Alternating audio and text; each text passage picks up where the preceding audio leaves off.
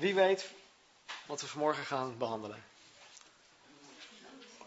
Mm, handelingen hoor ik. Iemand heeft opgelet. Nee, gekkigheid. Vanmorgen gaan we inderdaad verder met onze studie in handelingen. En we pakken het op in handelingen hoofdstuk 4. Maar omdat we twee zondagen hiervan afgeweken zijn, denk ik dat het goed is om onze geheugens een beetje op te frissen. Kan, kan geen kwaad. We zijn in hoofdstuk 3 twee weken, drie weken geleden geëindigd. En in hoofdstuk 3 zagen we uh, Petrus en Johannes, die om drie uur s middags op weg waren naar de tempel voor het uur van gebed. Ze kwamen daar de man tegen die vanaf zijn geboorte verlamd was. En Petrus, die vervuld was met de Heilige Geest en met geloof, greep deze man bij de hand. Die man die zat daar te bedelen. Hij vroeg om geld. Petrus zei: Geld heb ik niet, maar dat wat ik heb, geef ik aan jullie. Geef ik aan jou. In de naam van Jezus, sta op. En hij greep die man bij de hand. De man stond op. Hij begon te springen. Hij begon te lopen. Hij begon te jubelen, te juichen, God te prijzen. En zo ging hij samen met Petrus en Johannes de tempel in. Nou, iedereen die dit zag, die was flink verbaasd. Want iedereen kende die man als degene die daar verlamd zat te bedelen. En ze keken Petrus en Johannes aan alsof Petrus en Johannes degene waren die dat wonder hadden verricht. En dat vind ik zo mooi wat Petrus hier dan doet. Hij grijpt deze gelegenheid aan om de mensen meteen aan te spreken en de mensen op Jezus te wijzen.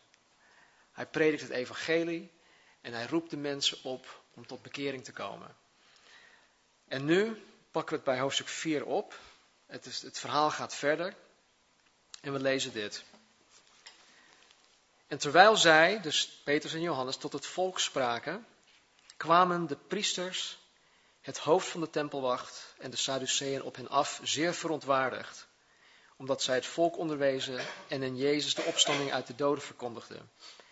En zij sloegen de handen aan hen en zetten hen gevangen tot de volgende dag, want het was al avond. Ze werden gearresteerd. En vele van hen die het woord gehoord hadden, geloofden en het aantal mannen werd ongeveer 5000. En het gebeurde de volgende dag dat hun leiders en de oudsten en schriftgeleerden in Jeruzalem bijeenkwamen. En Annas de hoge priester en Caiaphas, Johannes Alexander en allen die tot het hoge priesterlijk, priesterlijk geslacht behoorden. En toen zij hen in het midden hadden geplaatst, vroegen zij, door welke kracht of door welke naam hebt u dit gedaan, dit wonder? Toen zei Petrus, vervuld met de Heilige Geest tegen hen, leiders van het volk van, en oudsten van Israël, wanneer wij vandaag gerechtelijk verhoord worden over de weldaad aan een zieke man, waardoor hij gezond geworden is, laat het dan bij u allen en, in bij heel, en bij heel het volk Israël bekend zijn, dat door de naam van Jezus Christus de Nazarener, die u gekruisigd hebt, maar die God uit de doden heeft opgewekt, dat door hem deze man hier gezond voor u staat.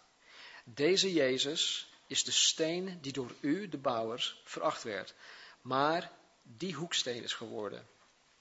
En de zaligheid is, geen, is in geen ander, want er is onder de hemel geen andere naam onder de mensen gegeven waardoor wij zalig moeten worden. Toen zij nu de vrijmoedigheid van Petrus en Johannes zagen en merkten dat zij ongeleerde en eenvoudige mensen waren, verwonderden zij zich en herkenden zij hen als mensen die bij Jezus geweest waren. En omdat zij de man die genezen was bij hen zagen staan, konden zij er niets tegen inbrengen. En nadat zij hun bevolen hadden de raad te verlaten, overlegden ze met elkaar en zeiden: Wat zullen we met deze mensen doen? Want dat er een alombekend teken door hen is verricht, is duidelijk voor allen die in Jeruzalem wonen. En wij kunnen het niet ontkennen. Maar laten wij, opdat het niet nog verder onder het volk bekend raakt, hen dreigend gebieden dat zij tot geen enkel mens meer in die naam mogen spreken. En na hen geroepen te hebben, gaven zij hun het bevel helemaal niet meer te spreken of te onderwijzen in de naam van Jezus. Maar Petrus en Johannes antwoordden en zeiden tegen hen, oordeel zelf of het juist is in Gods ogen meer naar u te luisteren dan naar God. Want wij kunnen niet nalaten te spreken over wat wij gezien en gehoord hebben. Maar zij dreigden hen nog meer, en omdat zij niets konden vinden om hen te straffen, lieten zij hen gaan ter wille van het volk. Want ze verheerlijkten allen God over wat er gebeurd was. Want de man aan wie dit teken van genezing verricht was, was ouder dan 40 jaar. Tot zover. Nou, een heel stuk. Er zit heel veel in. En ik had van de week moeite om, ja, niet iets er specifieks uit te halen, want er staat zoveel in. We kunnen nog wekenlang kunnen we in dit gedeelte blijven. Maar ik wil er ook wat vaart achter zetten. En dat is altijd mijn moeite van wat moet ik nou behandelen? Heer, wat wilt u door deze tekst vertellen aan, aan ons als gemeente? Dus vandaag nemen we het hele stuk en er is niet één specifiek ding die we gaan benadrukken, maar meerdere dingen. Dus wees geduldig en ik hoop dat je kan volgen. Nou, vers 1. Terwijl zij tot het volk spraken, hè, Petrus en Johannes, kwamen de priesters, het hoofd van de tempelwacht, naar de hele reutemeteut, die kwam, die kwam op hen af. En die grepen hen en die sloegen de handen aan hen en ze werden gearresteerd en hadden hen in bewaring genomen. Nou, wat zo mooi is, en ja, dat bemoedigt mij ontzettend, is dat Jezus net na zijn opstanding en voor de hemelvaart gaf hij de discipelen de grote opdracht. En de grote opdracht was om heen te gaan, om mensen te onderwijzen, om discipelen te maken van alle naties, van alle volken en hen te onderhouden wat Jezus hun geleerd had. Nou, we zien hier dat Petrus en Johannes die grote opdracht aan het vervullen zijn. Dus ik zie hun als mijn voorbeeld, als discipel zijnde, dat zij een voorbeeld geven van gehoorzaamheid. Jezus Christus gaf hun de opdracht en zij gehoorzaamden die opdracht. Dus ik zie hier al meteen, boem, een voorbeeld die ik kan navolgen, die wij als gemeente kunnen navolgen. Nou, Petrus en Johannes die hielden zich bezig met Gods werk. Het was niet hun eigen ding die ze daar deden. Het was Gods werk waar ze mee bezig waren. En wat elke discipel van Jezus mee zal maken, wanneer hij of zij zich bezighoudt met Gods werk, is wat hun hier op dit moment overkomt. Ze komen tegenstand tegemoet. Ze komen oppositie tegemoet. Wij moeten beseffen, en daar had ik het vanmorgen nog met, met Rob Houtzager over, dat Petrus en Johannes een gigantische bedreiging vormen voor de Satan. Ja, hoe bedoel je? Nou, Petrus en Johannes waren A. vervuld met de Heilige Geest. B. Gehoorzaamde, gehoorzaamde zij Jezus en zijn woord. En als derde hielden zij zich bezig met Gods werk. Drie dingen die zij deden, die zij waren. Nou, dat vormde gewoon een gigantische bedreiging voor Satan en zijn koninkrijk. En wanneer mijn leven als christen zijnde gekenmerkt wordt door deze drie elementen, vervuld te zijn met de geest, en dat impliceert tegelijkertijd ook dat ik leeg ben van mezelf, want ik kan niet vol zijn van mezelf en vol van de geest, dat gaat niet samen, maar vol zijn van de geest als ik um, Jezus Christus en zijn woord, de Bijbel, gehoorzaam. En als ik me bezig hou met de dingen van Gods koninkrijk, dan vorm ik zelf ook een bedreiging voor de Satan.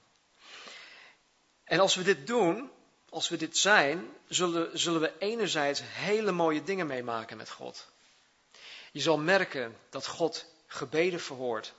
Je zal merken dat God um, deuren voor je opent, deuren voor je sluit. Je zal merken dat Hij heel nabij is, dat Hij je stap voor stap leidt. Hij geeft je gunst bij mensen die God niet eens kennen. Hij doet zoveel gave dingen in je leven, waarvan ik, ja, ik, ik kan een hele, hele lijst opstellen. Tegelijkertijd zal je ook heel veel tegenstand ervaren van de duivel. Want Satan is niet blij met ons als wij Gods werk aan het doen zijn. Maar hoe intens de, tegenstand ook is, hoe heftig deze strijd ook is, Jezus Christus is overwinnaar. En wij hebben Hem, of in Hem, die overwinning. Nou, wij kunnen op ons eigen of op onszelf niks tegen de duivel. De duivel is veel te krachtig, veel te machtig om voor mij als mens zijnde iets met hem te kunnen of willen doen. Dus een heel mooi voorbeeld daarvan. In eh, Handelingen hoofdstuk 19, uh, vers 13 tot en met 16 staat er dit. Enkele rondreizende Joodse geestenbezweerders probeerden mensen van boze geesten te bevrijden door ook de naam van de Heer Jezus te gebruiken. Zij hadden daarvoor deze spreuk.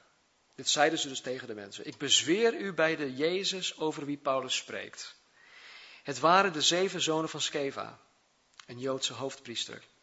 Toen, toen die dit zeiden tegen een man die een boze geest had, antwoordde de geest, nou Jezus ken ik, van Paulus heb ik ook gehoord, maar wie, ben, wie zijn jullie? Wie bent u? De man besprong hen en gaf hun er vreselijk van langs. Ze konden niets tegen hem beginnen en vluchtten naakt en gewond het huis uit.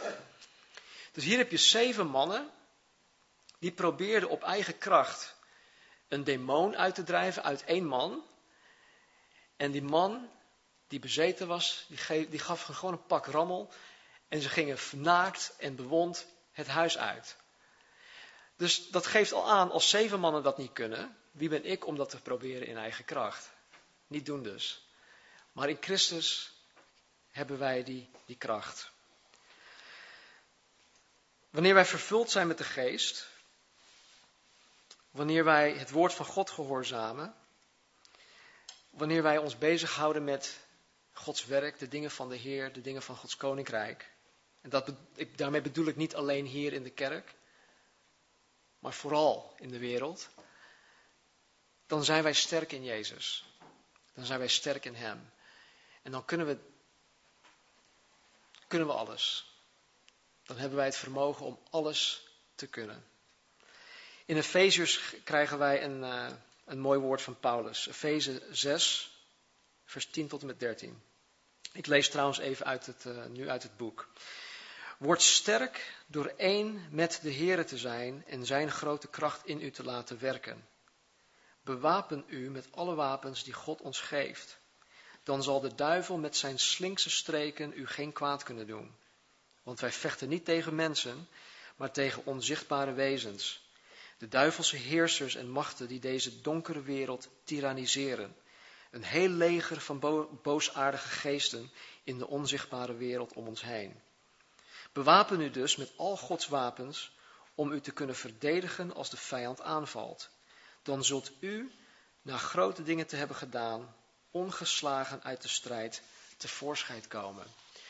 Wij hebben zo'n mooie belofte. Dat als wij de wapenrusting aandoen, want dat, gaat, dat, dat verhaal gaat verder. Als wij de wapenrusting van God aandoen, dat wij onbeslagen, staat er, de strijd uitkomen. Satan kan ons niks maken.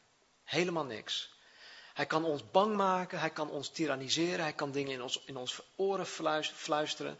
Maar hij kan ons niks maken. Wij zijn veilig in Jezus Christus. Hij is onze schuilplaats. In 1, in 1 Johannes 4,4 staat er ook dit. Hij spreekt hier tegen gelovigen. Hij zegt: Vrienden, u bent eigendom van God en hebt zijn tegenstanders overwonnen, omdat er iemand in u woont die sterker is dan de geest die de wereld beheerst. Dus de Heilige Geest die in mij woont, is veel sterker dan de Satan, de geest van, van Satan die de wereld beheerst. Dus kom maar op. We kunnen met, met, met alle vrijmoedigheid, met alle zekerheid, kunnen we de strijd ingaan tegen de duivel. Vers 4. En velen van hen die het woord gehoord hadden, geloofden. En het aantal mannen werd ongeveer 5000. Nou, we hadden in hoofdstuk 2 gelezen dat de Heere de mensen aan de gemeente toevoegt. En ik geloof dat hij dit deed door middel van het woord dat verkondigd werd met kracht in de geest. Petrus zegt even later in een van zijn brieven, in hoofdstuk uh, in 1 Petrus 1 vers 23. Hij spreekt tegen de wedergeborenen en hij zegt, u bent opnieuw geboren door het levende en eeuwige blijvende woord van God. Dus het woord van God is instrumenteel of instrumentaal ja? in, in, het weder, in, het, in het wedergeboorteproces. Wij kunnen niet wedergeboren worden zonder het woord van God. We kunnen ook niet wedergeboren worden zonder de geest van God. De geest gebruikt het woord om ons tot wedergeboorte te brengen. In Romeinen staat er, uh, Romeinen hoofdstuk 1, vers 16, Paulus zegt, ik schaam mij niet voor het evangelie, het woord van God. Het is immers door de kracht van God het middel waardoor mensen die het geloven gered worden. Dus het woord van God redt ons. Even later in Romeinen 10, vers 17 zegt Paulus: Alleen door te luisteren naar Gods woord kunt u in Hem gaan geloven. Dus het woord van God, erg belangrijk. En wat deden, de, wat, deed, wat deden Petrus en Johannes? Zij verkondigden het woord van God. Zij onderwezen de mensen in het woord van God. Vers 5. En het gebeurde de volgende dag dat hun leiders en oudsten en schriftgeleerden in Jeruzalem bijeenkwamen. En Annas, de hoge priester en Caiaphas, Johannes, Alexander en allen die tot het hoge priesterlijk geslacht behoorden. En toen zij hen in het midden geplaatst hadden, vroegen zij, door welke kracht of door welke naam hebt u dit gedaan? Nou, voor deze spoedzitting kwam de gehele Joodse raad bijeen. En dat is zo'n, de, de Joodse raad is sowieso zo'n 70 man sterk. En dan nog de priesters erbij, waarschijnlijk ook de, de, de, de beveiligingsbeambten van de tempel en een aantal anderen. Dus het was een hele grote groep. En ze vragen aan Petrus en Johannes, door welke kracht of door welke naam hebt u dit gedaan? Zij wilden in principe weten wie Petrus en Johannes de bevoegdheid had gegeven om dit te doen. Want dat was hun ding. Het was een machtsstrijd. Zij wilden de macht niet verliezen aan, aan Jezus.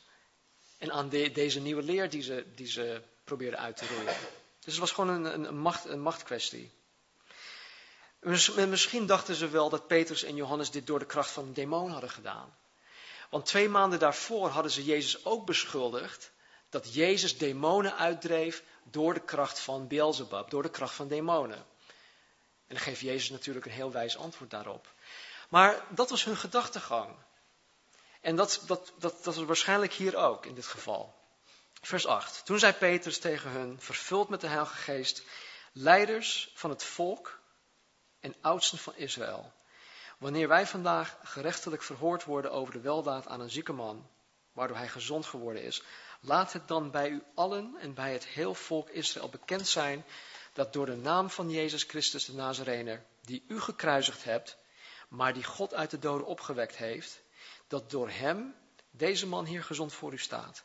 Deze Jezus is de steen die door u de bouwers veracht werd, maar die de hoeksteen geworden is. En de zaligheid is in geen ander, want er is onder de hemel geen andere naam onder de mensen gegeven, waardoor wij zalig moeten worden. Nou, ik kan me heel goed voorstellen dat het eng zou kunnen zijn om daar te midden van de Hoge Raad te staan en op een vijandige wijze ondervraagd te worden. Als ik met Peter of met Rob of met Bert of met Roelof daar zou staan, te midden van, van die hele groep, dan zou ik me best wel geïntimideerd voelen. Uiteindelijk zijn dat de schriftgeleerden, dat zijn de, de theologen van de dag. En wie ben ik dan? Wie is Petrus? Een ongeleerde, ongeletterde man, een visserman. Maar ondanks dat, ja, dat het heel intimiderend zou kunnen zijn, zien we Petrus hier in de kracht van de Heilige Geest rechtstreeks tot, tot de harten van deze mensen spreken. En hij, en hij spreekt niet, oh Jezus houdt van je en prijst de Heer. Nee, hij zegt, jullie, jullie zijn schuldig, jullie hebben hem gekruisigd. Hij geeft hun gewoon keihard de schuld. Dus het was niet even voorzichtig, ik, ik, wil niet op, ik wil niet op jullie tenen trappen. Hij zegt, nee, jullie.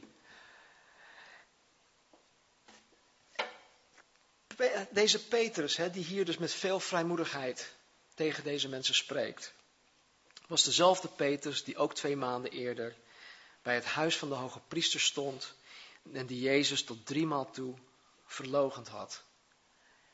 En hier zien we Petrus onder de leiding van de Heilige Geest met veel vrijmoedigheid tot de Hoge Raad spreken. En Jezus had dit trouwens voorspeld.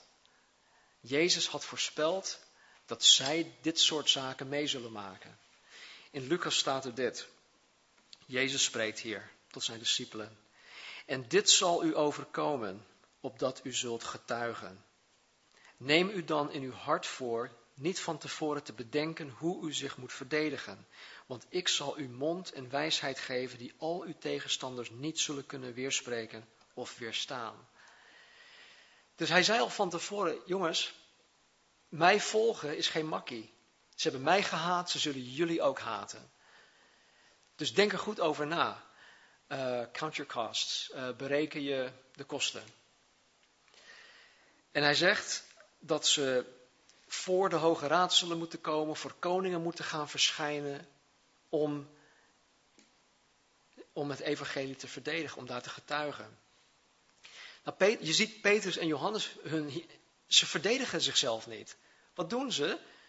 Ze preken, ze preken gewoon het, evangelie. En ze hebben het over de zaligheid. De zaligheid is in geen ander, alleen in Jezus. Dus ik, ik, ik denk niet dat ze, dat ze die nacht, hè, want ze zijn, s'avonds zijn ze gearresteerd. De volgende ochtend werden ze over, uh, ondervraagd. Ik denk niet dat ze die avond hebben gezegd van oké, nou hoe gaan we dit aanpakken jongens? We moeten een strategie plannen, we moeten een plan maken. En oké, als jij dit zegt Johannes, dan zal ik dit zeggen. Nee, het was gewoon oké, hier zijn we, kom maar op. En ze stelden de vraag en Jezus gaf hun de wijsheid. Hij gaf hun mond en wijsheid.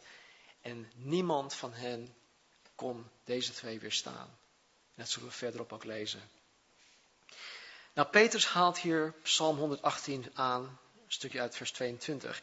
En dit is dezelfde psalm die Jezus een paar maanden eerder ook aanhaalde, toen dezelfde leden van de Hoge Raad hem op het matje had geroepen en hem ondervroeg en hem ook uh, vroegen, joh, wie heeft jou de bevoegdheid gegeven om deze dingen te doen?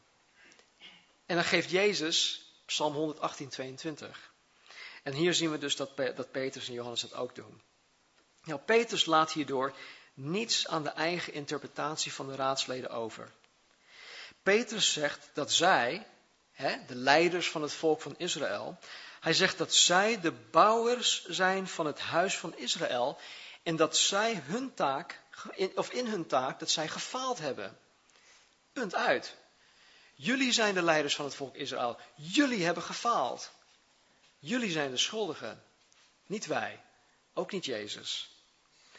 Jezus de hoeksteen, die het bouwwerk tot stand houdt, hebben zij verworpen. Maar God de Vader heeft Jezus een ereplaats gegeven aan zijn rechterhand. Nou, hoeksteen, als we kijken zien we hier allemaal gipsplaat en uh, ja. Maar een hoeksteen was iets dat eigenlijk fundamenteel was voor een gebouw. Het is iets dat uh, twee muren die, die samenkomen, die dat gewoon in elkaar houdt. En het is erg belangrijk voor het fundament, erg belangrijk voor het gebouw. En de Bijbel zegt, de Bijbel noemt hem in, in Psalm 118 een hoeksteen. Allerbelangrijkste steen die er is. En God heeft hem de ereplaats, de ereplaats gegeven.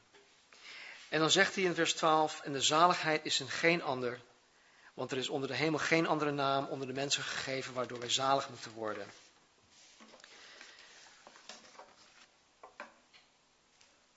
Vorig jaar met Pasen kwam een buurman naar me toe en hij zei, ik had gisteren op uh, Discovery of op uh, een Nederlands programma gezien uh, wat, wat je eigenlijk moet zeggen tegen een christen met Pasen. Hij zei, ik heb het geleerd, ik heb het heel goed, ik heb heel goed geluisterd, dus bij deze zalig Pasen, zei hij. Ik zei, oh, ja, ja, geweldig, dankjewel. Zeg maar, bij mij hoef je dat niet per se zo te zeggen hoor. Zeg, ehm, als je mij ja, uh, vrolijk Pasen wil toewensen, joh, dat is prima. Maar zalig Pasen, dat waardeer ik wel. Nou, dat woord zalig, dat kunnen we gebruiken voor zaligheid, onze zaligheid, zalig Pasen. Maar als iets lekker is, dan zegt mijn vader thuis altijd, oh meisje, je hebt zalig gekookt. Dus wat betekent dat eigenlijk? Nou, zaligheid betekent redding. Het betekent behoud, verlossing, het betekent heil. En in de Bijbel spreekt het primair over behoud of verlossing in de geestelijke zin. De Bijbel leert ons dat dit nu al een realiteit is, of kan zijn, voor degenen die geloven. Tegelijkertijd leert de Bijbel ons dat de zaligheid pas tot volkomenheid komt bij de wederkomst van Christus.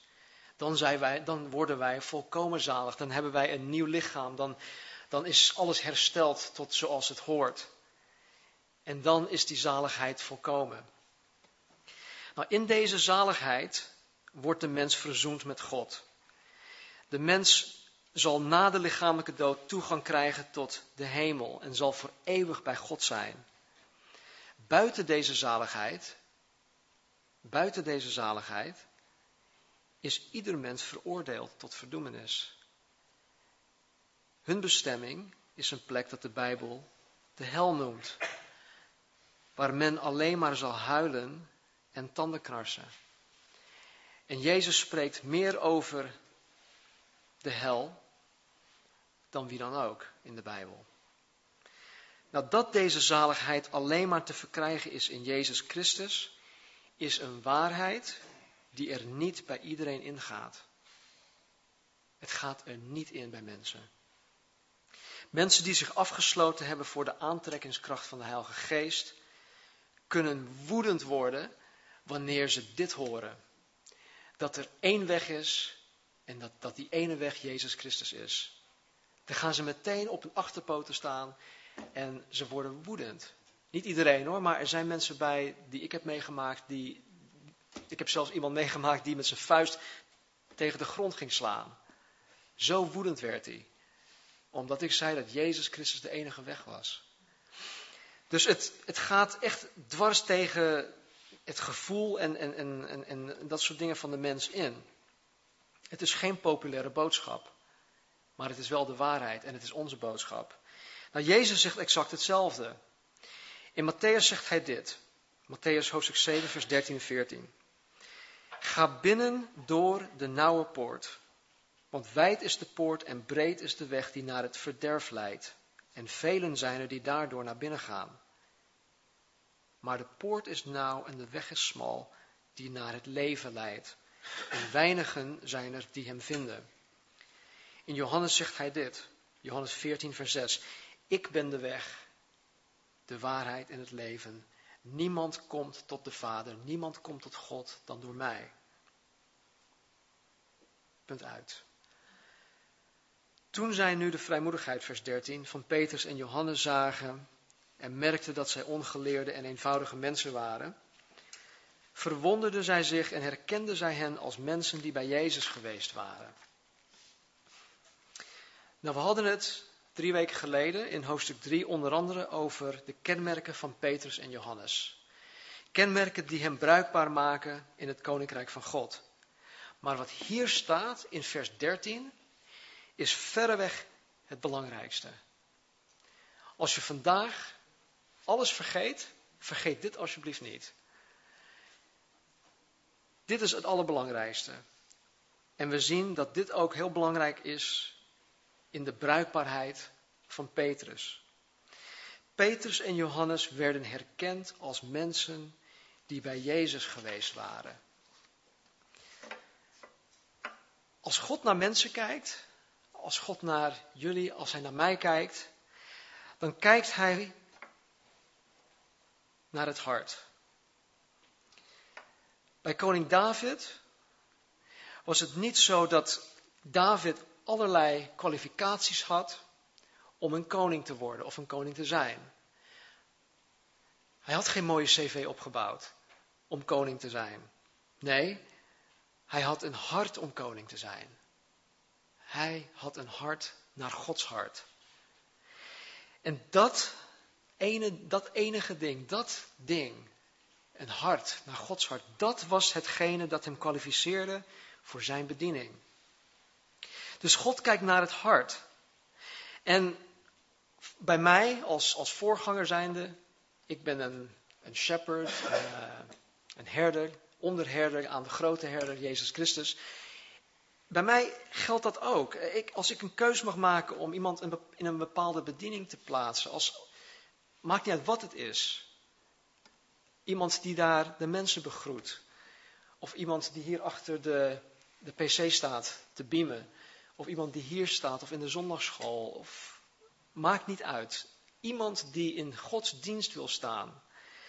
Dan kijk ik ook, of allereerst, naar zijn of haar hart.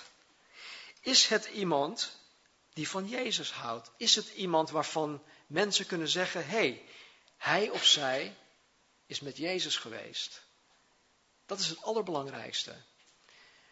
Het maakt mij niet zozeer uit of je de bekwaamheid hebt in bepaalde zaken.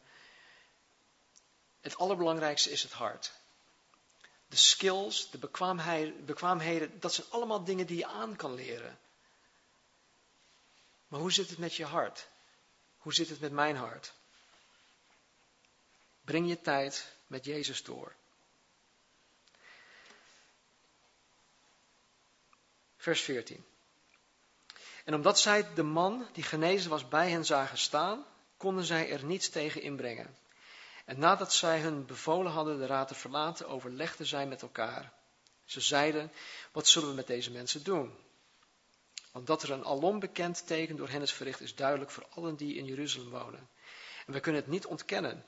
Maar laten wij, opdat het niet nog verder onder het volk eh, bekend raakt, hen dreigend gebieden dat zij tot geen enkel mens meer in die naam mogen spreken. En na hen geroepen te hebben, gaven zij hun het bevel helemaal niet meer te spreken of te onderwijzen in de naam van Jezus. Nou, hier zien wij hoe verblind deze leiders zijn. Ze waren echt verblind. Verblind door de heerser van deze wereld, de Satan. Verblind door hun eigen wil. Ze zagen een wonder. Het bewijs stond voor hen. Ze zagen in hun eigen ogen. Die man, die kenden ze. Hij staat daar. Hij is genezen. Hij is heel gemaakt. Zij moeten vanuit het woord weten dat niemand, maar dan ook niemand anders dan God alleen in staat is om zo'n werk te verrichten. Ze hadden het woord, ze hadden het Oud Testament. Ze hadden Jezus gezien. Ze hadden hem twee maanden daarvoor nog meegemaakt. Maar ondanks al deze dingen kwamen zij niet tot geloof. Niet toen Jezus er nog was en ook nog niet op dit moment. En het trieste ervan is, dat zij ook nooit, of een aantal van hen, meeste van hen, ook nooit tot geloof zijn gekomen. Ook vandaag zullen mensen niet tot geloof in Jezus Christus komen. Het is ons verlangen om al de mensen die wij kennen, al, onze, al de mensen in onze, in onze familiekring, in onze vriendenkring, eh, misschien onze kinderen of misschien onze ouders of ooms en tantes, die mensen. Het is ons verlangen, sterker nog, het is Gods verlangen dat deze mensen tot geloof komen. Maar niet iedereen zal tot geloof komen. Jezus zei het zelf. Breed is de weg en velen zullen die weg nemen. En nauw is de weg en weinig zullen het vinden.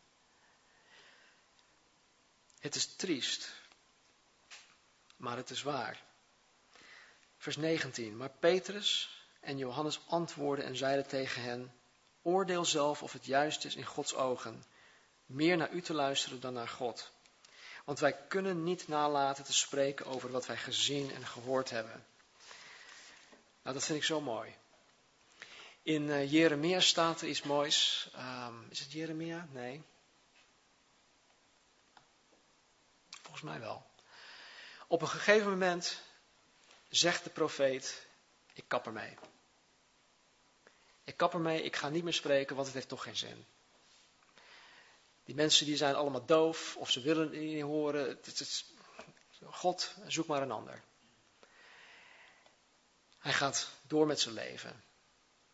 En op een gegeven moment komt hij tot het besef van, joh, ik kan niet ophouden met spreken. Ik kan, Heer, ik kan niet ophouden met het woord delen met mensen. Het is als een vuur in mijn botten. Ik moet het delen met mensen. Ik kan niet anders. En hier zien wij Petrus en Johannes die niet kunnen nalaten te spreken over wat zij gezien en gehoord hebben. Zij kunnen het niet laten. Al worden ze bedreigd met, met, met de dood. En dat gebeurt ook later in het hoofdstuk. Ze kunnen niet ophouden met het spreken over wat ze gezien en gehoord hebben. Ze zijn er helemaal vol van. En ze moeten het aan anderen kwijt. Ze moeten de grote opdracht in vervulling brengen. Het was voor hun ook helemaal geen moeite. Ze deden het ook niet krampachtig van, oh ja, oh joh, Jezus heeft ons een grote opdracht gegeven. Oh ja, we moeten, we moeten het aan iedereen delen. Johannes, laten we vandaag eh, op pad gaan en kijken aan wie het, het kunnen delen. Nee, het ging gewoon. Het was natuurlijk. Het gebeurde. God gaf ook de gelegenheid om het te doen. Ze hadden er geen moeite mee. Wij hebben vandaag, de dag, best wel moeite, denk ik, om over de Heer te spreken. Niet hier, want dit is veilig. Het is vertrouwd. We weten van elkaar dat we allemaal de Heer kennen. En het is, het is fijn om dat met elkaar te mogen delen. Het is een voorrecht. Daarom zijn we gemeente. Maar ik heb moeite om zo vrijmoedig, zoals ik nu ben, dat te delen met, met mijn collega's op mijn werk. Met mijn buren. Ik heb die vrijmoedigheid niet. Of althans niet altijd. En ik weet dat het voor ons moeilijk is. Wij hebben er wel moeite mee.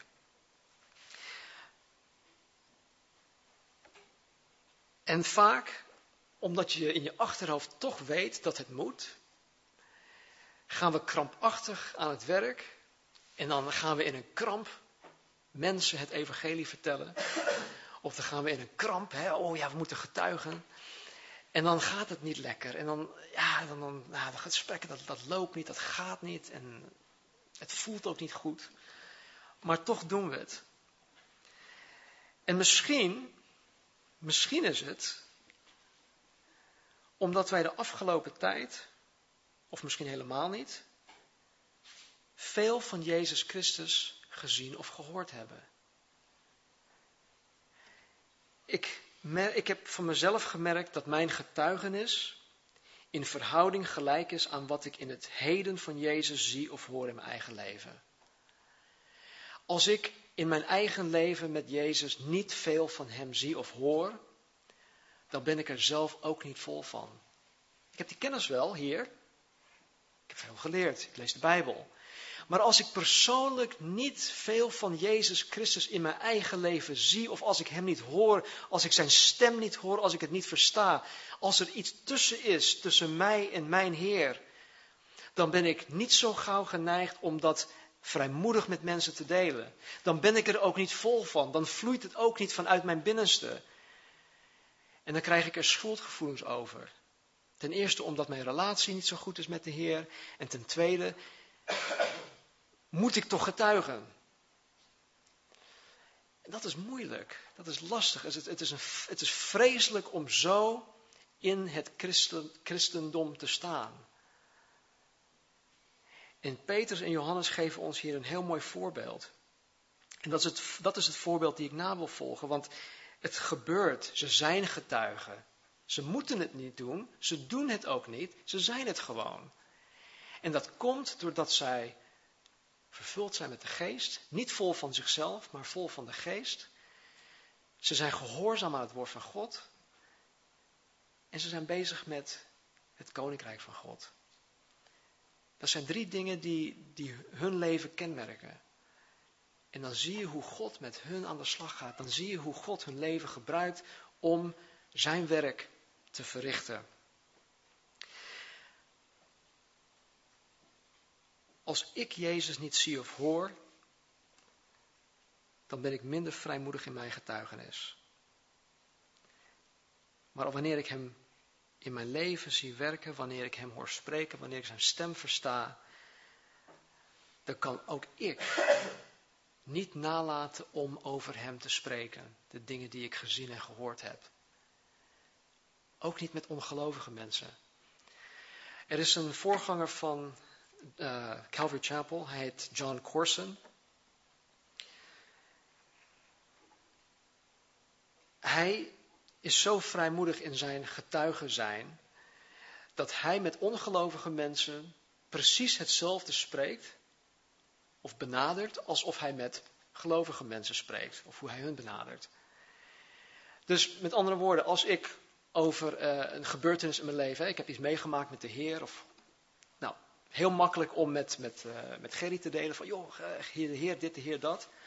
Nou, zo spreekt hij ook met, met, zijn buur, met, de, met de buurman of met de buurvrouw die niet gelooft. Of mensen die hij in de McDonald's tegenkomt.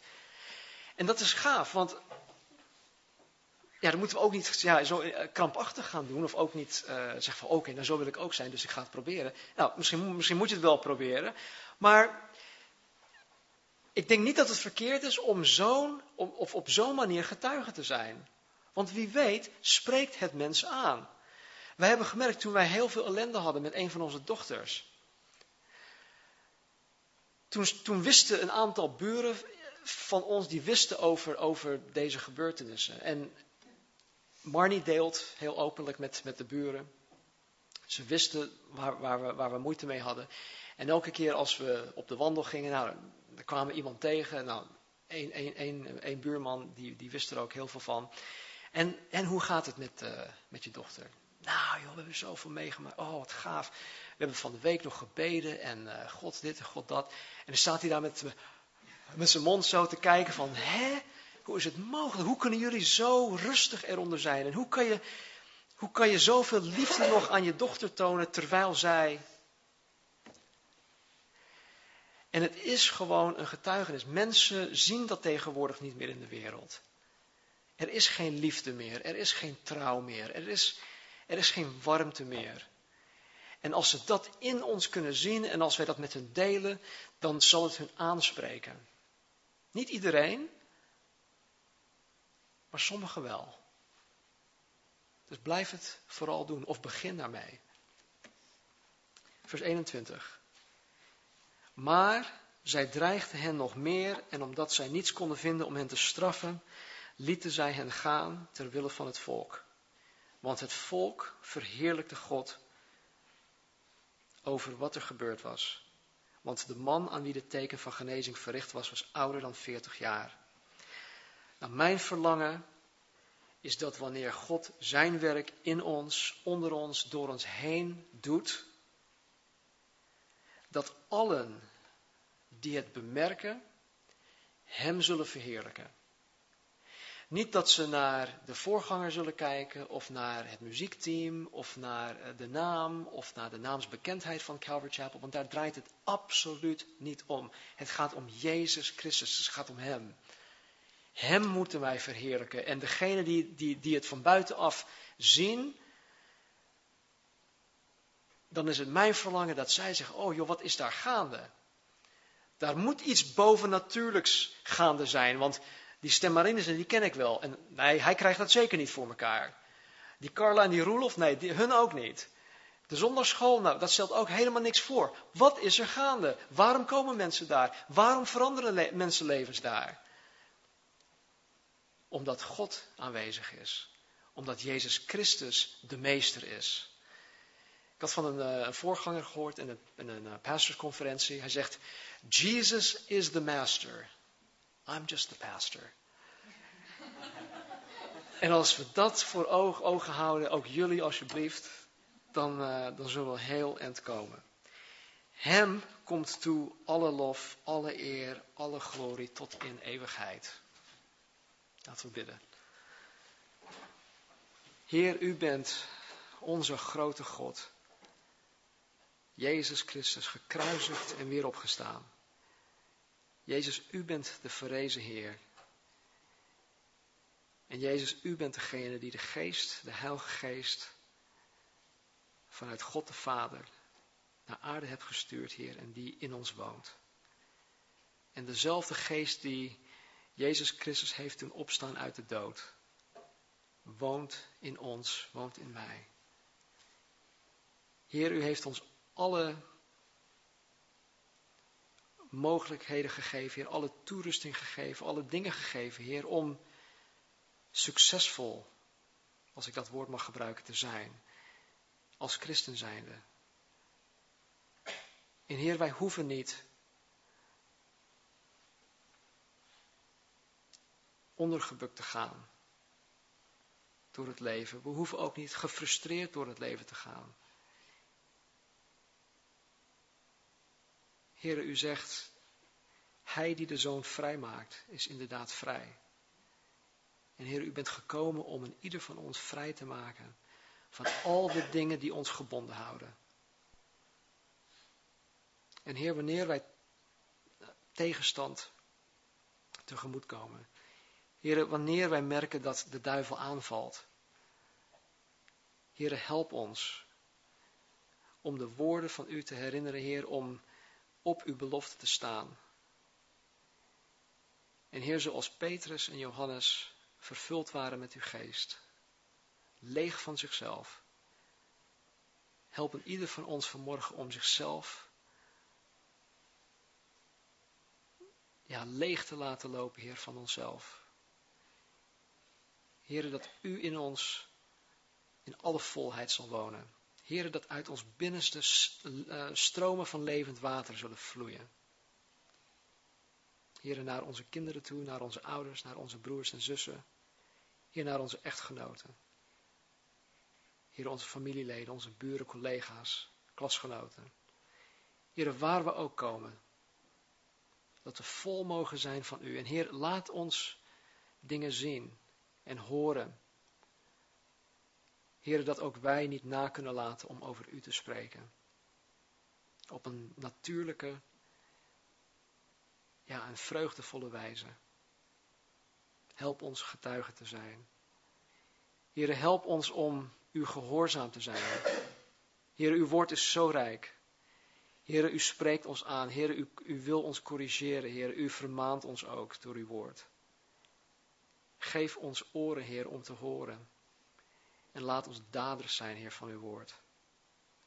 Niet alleen horers. En Heer, laat ons altijd bewust zijn van uw aanwezigheid in ons leven. En laat ons altijd bewust zijn, Heer, dat wij bezig moeten zijn met uw werk. Zoals Jezus ook zei op twaalfjarige leeftijd tegen zijn ouders, wist u niet dat ik bezig moest zijn met de dingen van mijn vader? Heren, zo willen wij ook bezig zijn met dingen van onze vader. Help ons daarbij.